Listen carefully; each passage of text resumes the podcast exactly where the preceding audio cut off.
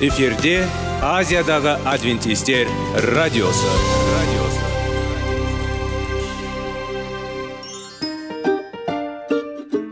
сәлем достар. Денсаулық өмір бұлағы және біздің бірінші байлығымыз демекші денсаулық сағаты рубрикасына қош келдіңіздер. Біздің рубрикада біз әртүрлі факторларменен мәліметтерменен кеңестерменен бөлісіп шын жүректен сіздердің дендеріңіз сау болғанын қалаймыз. Сол үшін біздің рубрикаға қош келдіңіздер. Дайындалып тұрыңыздар. Өйткені келесі минуттарда қызықты фактілерге ие боласыздар. Енді достар ең бірінші байлығымызды қолымызға алып алға кеттік.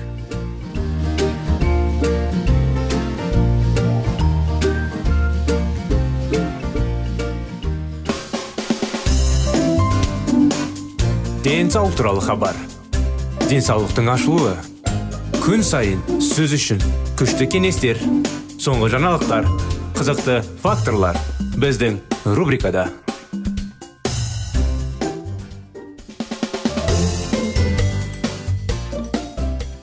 Армысыздар құрметті достар құрметті біздің тыңдаушыларымыз.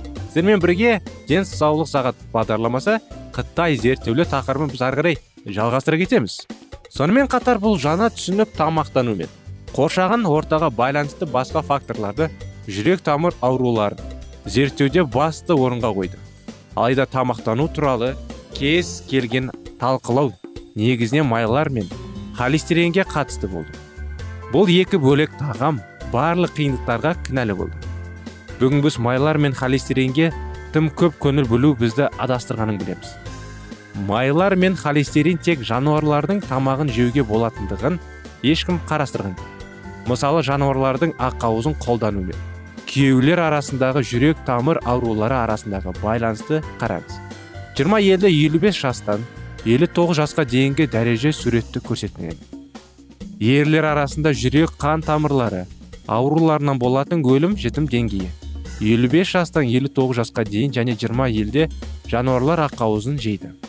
Зерттеу көрсеткенде жануарлардың ақауыздарын тұтыну өскен кезде жүрек тамыр ауруларының пайда болу жиілігі де ериді сонымен қатар жануарлардың тәжірибелеріне негізделген ондаған зерттеулер еге құйрықтарды қояндарды және шошқаларды жануарлардың ақауыздары бар тағамдарымен мысалы казеин тамақтандыру кезінде олардың қаныңдағы холестерин деңгейі едәуір жоғарыланған және өсімдік ақауыз мысалы соя ақауыз екенін көрсетті. Бұл көрсеткіштің айрылықтай айтарлықтай төмендеу адамдардың зерттеулері бұл тұжырымдарды растап қана қоймайды. Сонымен қатар өсімдік ақауыздардың тұтыну мен май жаңағындай қабылдауды азайтуға қарағанда қандағы холестеринді төмендетуге ықпал етеді. Бұл зерттеулердің кейбіреулері жануарлар ақауызын тұтынуға әсер етеді. Соңғы 30 жылда өткізілді басқалары елу жылдан астам уақыт бұрын медициналық ортада тамақтану мен жүрек тамыр аурулары арасындағы байланысты талқылай бастаған кезде жарияланды. Соған қарамастан қандай да бір себептермен жануарлар ақауызы көлеңкеде қала берді. Ал қаныққан майлар мен холестеринге сыннан негізгі толқыны келді. Бұл үш коректік заттар майлар жануарлардың ақауыздары және холестерин жануарлардың тамағын тұтастай сипаттайды. Сонымен ойланудың қажеті жоқ мүмкін жануарлардың тағамы. Бұл жеке қоректік заттар жүрек тамыр ауруларын тудырмайды. Әрине ешкім жануарлардың тамағының зияны туралы тікелей айтқан жоқ. Бұл бірден кәсіби оқушылануға және мазаққа әкелуі мүмкін. Бұл мамандар арасындағы тамақтану мәселелері бойынша қызу пікірталас кезеңі болды. Тұжырымдалық революция болды және көптеген адамдар оны ұнытпады. Тамақтанудың рөлі туралы әкімге көптеген ғылымдар үшін жағымсыз нәрсе болды.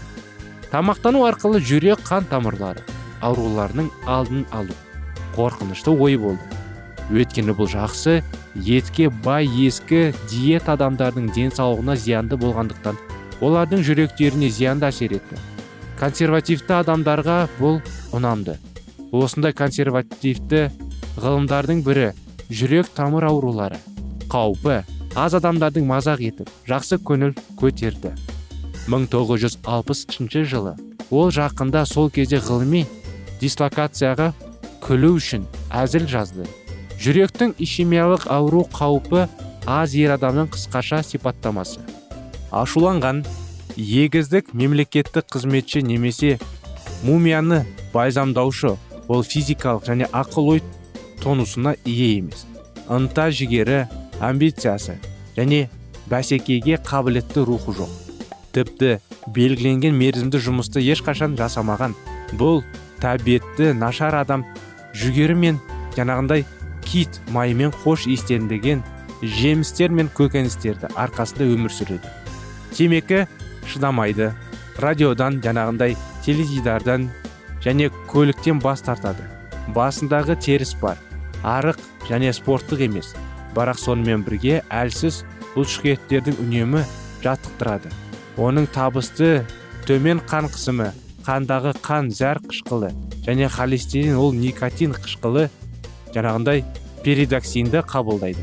Сонымен қатар профилактикалық кастрациядан бері ұзақ уақыт антиокогулянттық терапияға ұшырайды. Бұл тұжырымның авторы нағыз ер адамдарда.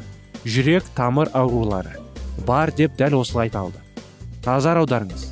Жемістер мен көкөністерге негізделген диета жаман деп сипатталады.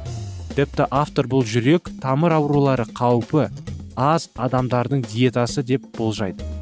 Өкінішке орай ет пен физикалық қабілеттер жалпы еркектің жыныстық жағдар және экономикалық әр уақыт арасындағы бірлестіктер консервативті ғылымдарға ғылыми дәлелдерді ескере отырып тамақтану мәселелеріне объективті қарауға кедергі келтіреді.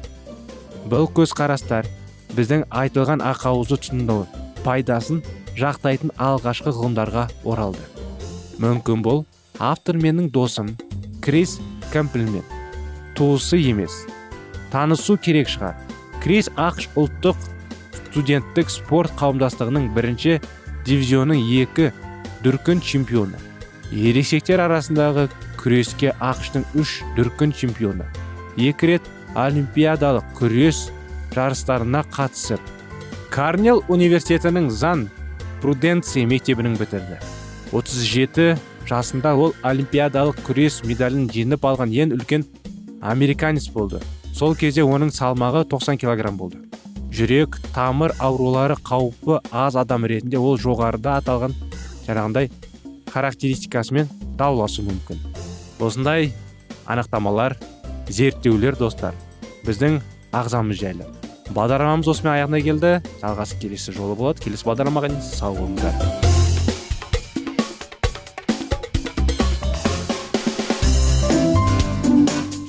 Денсаулық туралы хабар. Денсаулықтың ашылуы күн сайын сөз үшін күшті кеңестер соңғы жаңалықтар қызықты факторлар біздің рубрикада.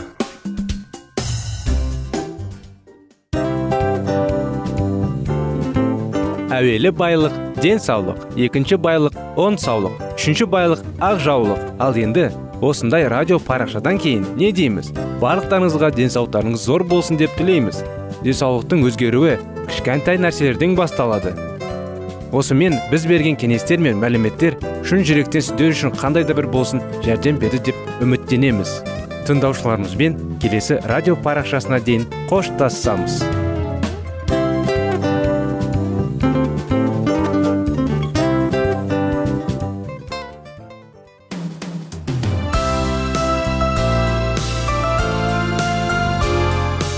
эфирде азиядағы адвентистер радиосы.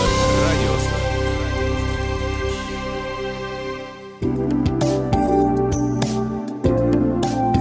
сәлем достар. Барлықтарыңызға шын жүректен сөйлесек рубрикасына қош келдіңіздер деп айтпақшымыз. Шын жүректен сөйлесек бағдарламасы әртүрлі қызықты тақырыптарға арналған. Шындығында шын жүректен сөйлесек деген сөздің мағынасы екі достың екі адамның ортасындағы шын жүрекпен сөйлесуі бір біріне сенуі ашықтық пен шындықты білдіреді. Сол үшін біздің бағдарламалар әртүрлі қызықты тақырыптарға арналған. Дайындалыңыз жаңа қызықты мәліметтерге ие болуға. Ондай болса кеттік.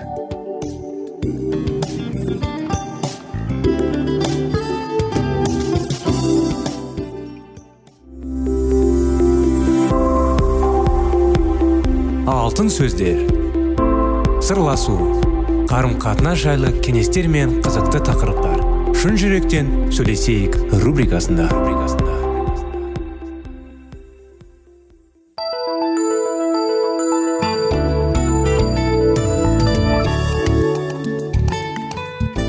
Ассалаумағалейкум армысыздар құрметті достар құрметті радио тыңдаушыларымыз сіздермен бірге сіздердің назарларыңызға шын жүректен сөйлесейік бағдарламамыз. Сіздердің назарларыңызға 25 керемет неке оқиғалардың кеңестерін әрине оқиғаның өзінің мағыналарын жалғастыра кетеміз. Күрес луидің оқиғасы. Біздің некемізде біздің джейси екеуміздің бір бірімізге ренжіп жүргеніміз шамалы айтқанда бір жарым жылдай уақыт болған кезде еді. Бір себепке бола сөз талыстыра беретін едік. Балалардың көзінше де бір біріміз тілмен шығып шағып алатын едік. Үлкен балаларымыз істеген әрекеттерімізге қарап бізге сендер тым болмаса дастарханның басында отырғанда бір біріне осылай сөйлессеңдер болмай ма? Сөйлемесеңдер болмай ма не деп өтініш білдіретін біздің жүректеріміздің жарасы мен арамыздағы болған жатырқаушылық үйдегі әрдайым болатын шиеленісті жағдайдың себебінен болады. Олар біздің екеміз бен отбасымызды құра бастады. Бір күні кешкілікті біз қайтадан әдеттегідей джейси екеуміз ұрсысып қалған кезде мен үйден құйындай ұшып шығып кеттім. Мен джейсикті джессиға қатты ашулы болдым және бірден құдайға шағым айтуға кеттім.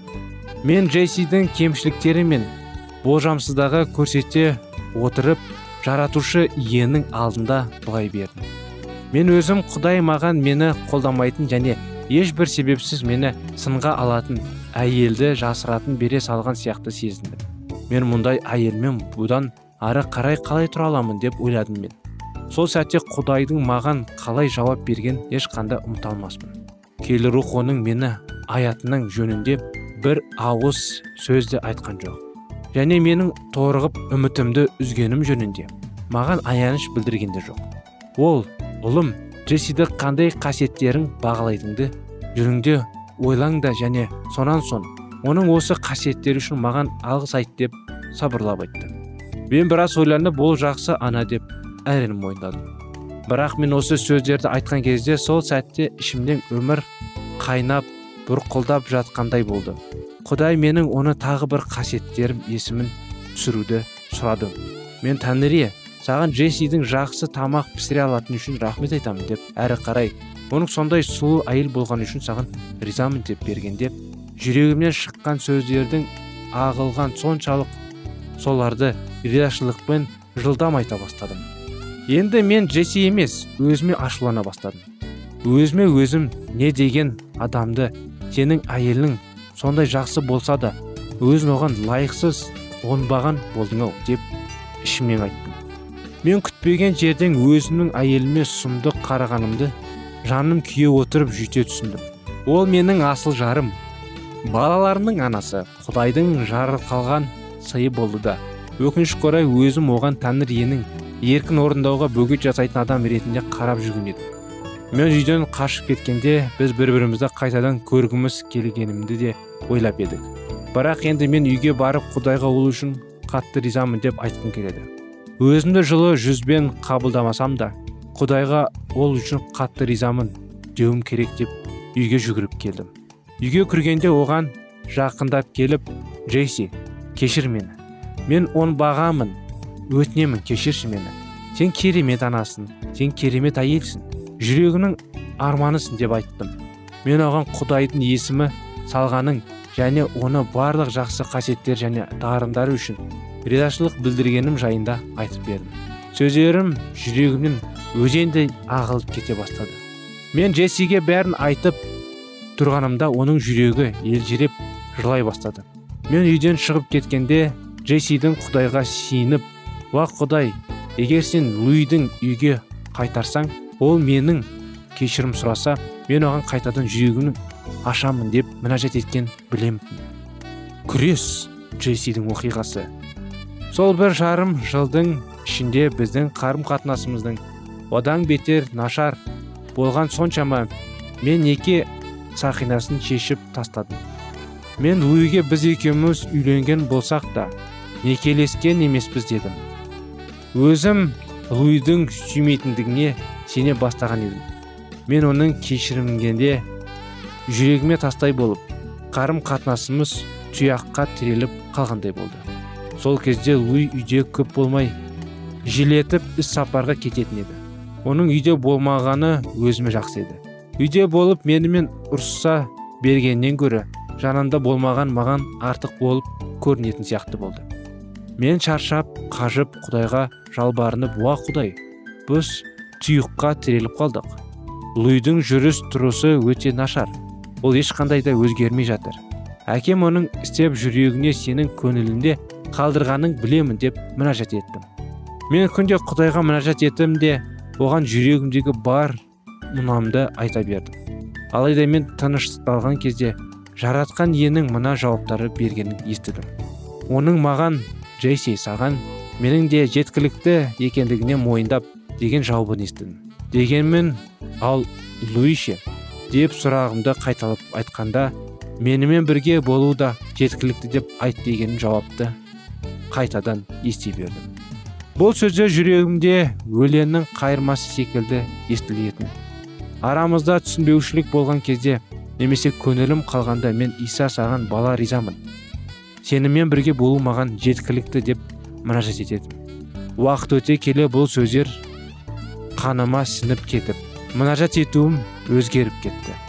Мен сенімен бірге болу маған жеткілікті деп әрең мойындағанымда иса саған бола ризамын. Сенімен бірге болу жеткілікті деген мінәжатымның шын жүректен ай тататын сөздерге айналып кетті. Жақын арада құдай екеуміздің жүректерімізді өзгерте бастады. Ұлы іс сапардан келгенде мен оның әуежайда қуана қарсы алдым. Соған дейін мен оны үйде көргім келмей оны қарсы алуға басқарда жұмсайтын мен оның көрмегеніме сондай қуандым. Ал кейінде ол маған өте әдемі сыйлық ала келіпті. Бұл оқиға аяғына келмеді. Жалғасын келесі жолы жалғастырамыз. Бағдарламамыз аяғына келді. Құрметті достар сіздерге келесі жолға дейін сау болыңыздар дейміз.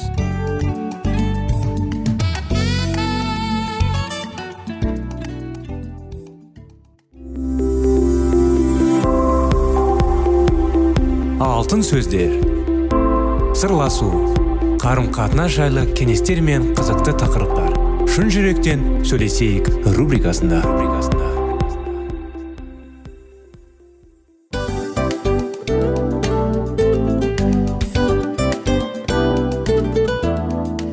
Құрметті достар барлық ең соңғы кеңестер аяқталған соң біздің программамыз соңына келіп қалды. Осы біздің мәліметтер осы рубрикада айтылған әрбір сөздер сіздерге өзінің қандай да бір пайдасын алып келді деп шын жүректен сенеміз. Және бұдан да көптеген рубрикаларымыз бар. Басқа рубрикаларымызда біздің зерттеулерімізде сіздер үшін тағы да қызықты мәліметтер дайын. Біздің шын жүректен сөйлесейік парақшамызда көптеген әдістер ең соңғы кеңестер адамның нравственность жақтан моральдық жақтан тазалап байыта тұрған соңғы кеңестердің барлығын жанарады. сондықтан алдыңғы күндерде бізбен бірге болыңыздар. Өйткені барлық қызықтар алдыда. Бізбенен бірге болғандарыңызға үлкен рахмет. Келесі кездескенімізше сау сәлемет болыңыздар.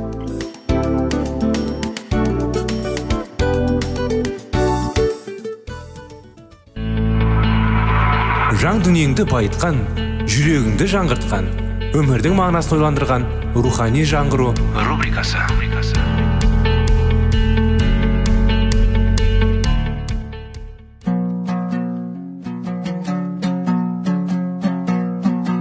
Ассалаумағалейкум біздің тыңдаушыларымыз. Келі кітаптың шындығын ашып берген қысқа бағдарламасына қош келдіңіздер. Барлығынан жоғары жаратушы біздің қарыңғылықта жалғыз қалдырып қойған емес. Өйткені ол келешекте не болу керек екенін кітаптың парақтарында ашып береді. Немесе келіңіздер бізге қосылыңыздар. Жаратушы бізге нен ашып бергенін зерттейміз. Адамдар құдай ашқан есікті жабуға тырысты. Бірақ құдай ашқан есікті кім жаба алады? Ол жапқан есікті кім аша алады? Мінекей мен сенің алдынан есікті аштым және оның ешкім де жаба алмайды дейді иса. Иса күнәқар пенделер үшін есікті ашты. Яғни киелінің келесінде өз қызметін бастады және ашулы есіктен шыққан жарық білім жан жақты нұрландырды. Адамдар онда сақтаулы заңның бір бөлігі төртінші заңның барын өз көздерімен көрді. Сонда құдайдың бекітген өзгертуге кімнің хақысы бар екен исаның қызметінің мәнісін ұтқандар құдай заңының өзгермейтінін танып білгендер. Аянның он төртінші тарауында дәл осы ақиқат жайлы айтылып тұрғанын түсінді.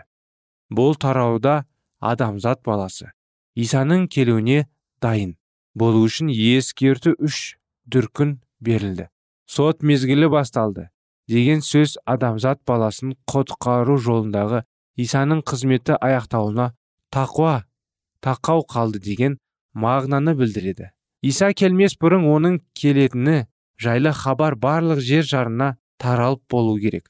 1844 жылы басталған сот барлық өлілер мен тірілердің тағдыры шешіліп болғанша созылды.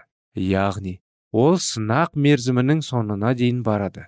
Адам сотқа дайын болу үшін. Хабар оларға былай деп бұйрық берді. Құдайдың қорқыңдар және оның есімін мадақтаңдар жер мен суды және көкті жаратқанын табыныңдар. Бұл хабардың қабыл болғанының нәтижесі келесі сөздермен тұжырымдалды. Бұл жерде исаға сенушілер мен құдай заңын орындаушы келелердің төзімі қажет. Сонымен сотқа дайын болу үшін құдай заңын орындау керек. Өйткені ол адамның мінезінің тарысасы болмақ. Бұл жөнінде исаның шәкірт паул адамдардың барлық жасарын істері мен ойларының үкімі құдай иса мәсіх арқылы қиямет сотты күні шығынарады. Құдай заңы бұзғандар айыпталады ал оны орындағандар ақталады дейді. Құдай заңын орындау үшін адамға сенім қажет.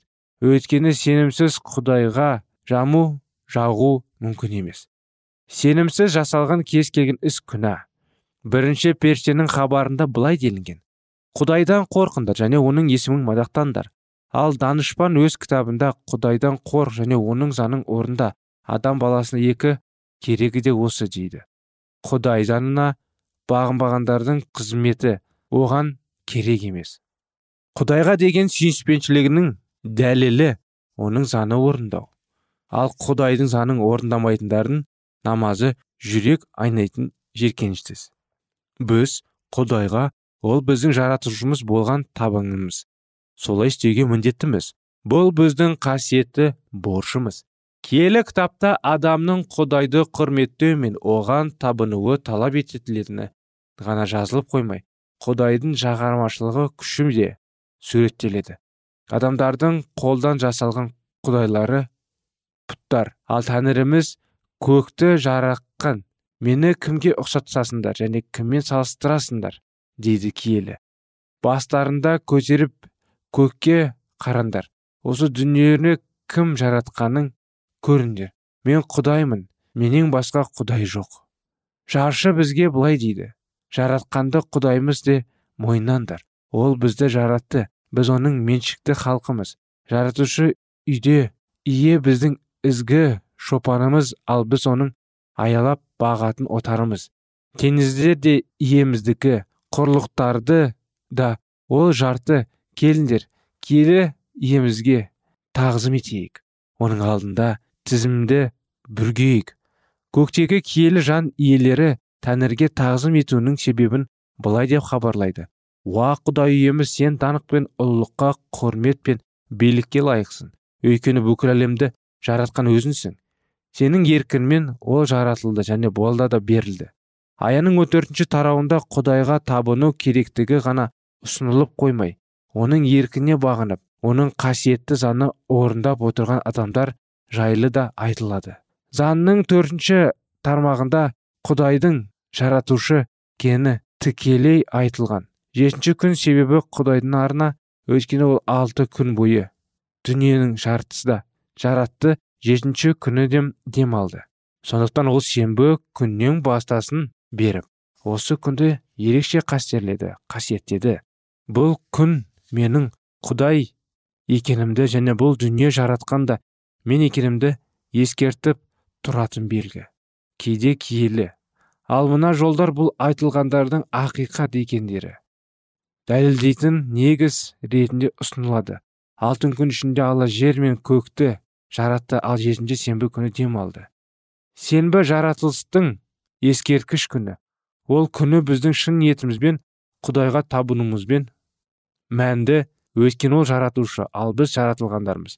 Шын мәнінде құдайға арналған қызмет негізінен өзі сенбіден құралды. Өйткені ол адамзатқа ақиқатты ұнақ үстінде анық үстінде дегенмен құдайға табынуымыздың себебі тек сенбіде ғана емес. Ол біздің құдайымыз ал біз оның пенделеріміз. Сондықтан да біз оның алдында бас июіміз керек. Бұл ұлы дерек.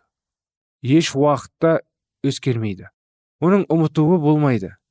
Сенбіші құдайды бейш бағында бекітілген. Сенбі күні адамзат баласына құдайдың жаратушы екенін ал біздің оның пенделері екенімізді еске салып тұратын ескерткіш болып табылады. Егер біз сенбі күні ұмытай осы күн құдайдың алдында келетін болсақ онда біздің бар ойымыз ниетіміз оған бағытталып жер бетінде бірде бір пұтқа табынушылар атеисттер және құдайсыздар қаламаған болар еді. Сенбі күні сақтау құдайға деген адалдығымыздың белгісі болып табылады.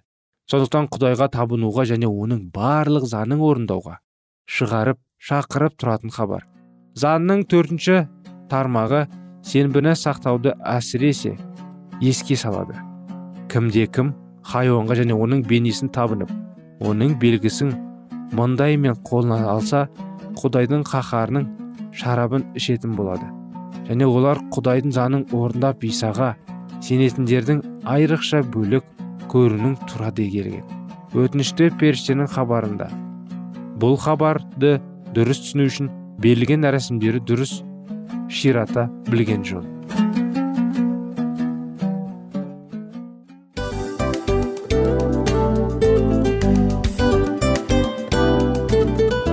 Осымен достар программамыздың зерттеуіміздің ең қайғылы минутына жеттік. Қайғылы дегенде бағдарламамыз тез арада өтті де кетті. Соған көңіліміз деп тұр. Жарайды қайғыны қояйық бүгінгі 24 сағаттың алтындай жарты сағатын бізге бөліп арнағаныңыз үшін рахмет. Егер де өткен сфераларда пайдалы кеңес алған болсаңыз біз өзіміздің мақсатымызға жеткеніміз.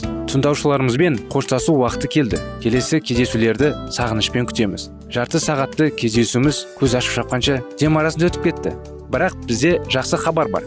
Келесі зерттеулерімізде сөзсіз кездесеміз. Өйткені көптеген сюрприздер қызықты мәліметтерді және керекті нәрселерді көбін дайындадық. Бүгінгі күндеріңіз өзгеше позитивті болсын. Жақындарыңыз аман есен болсын деп тілейміз. Жаратқан ие барлықтарыңызға батасын берсін. Істеген істеріңіз игілікті болсын. Келесі кездескенше сау саламат болыңыздар. Достар біздің бағдарлама бойынша сұрақтарыңыз болса әрине сіздерге керекті анықтама керек болса біздің whatsapp нөмірімізге хабарлассаңыздар болады. Плюс бір үш жүз бір жеті жүз алпыс алпыс жетпіс. Иә достар сіздер қателеспедіңіздер бұл біздің номерлерге ұқсас болмаса да бұл whatsapp номер арнайы. Хабарласыңыздар сұрақтарыңызды қойып тұрыңыздар. Анықтаманы алып тұрыңыздар. Плюс бір үш жүз бір жеті жүз алпыс алпыс жетпіс whatsapp номері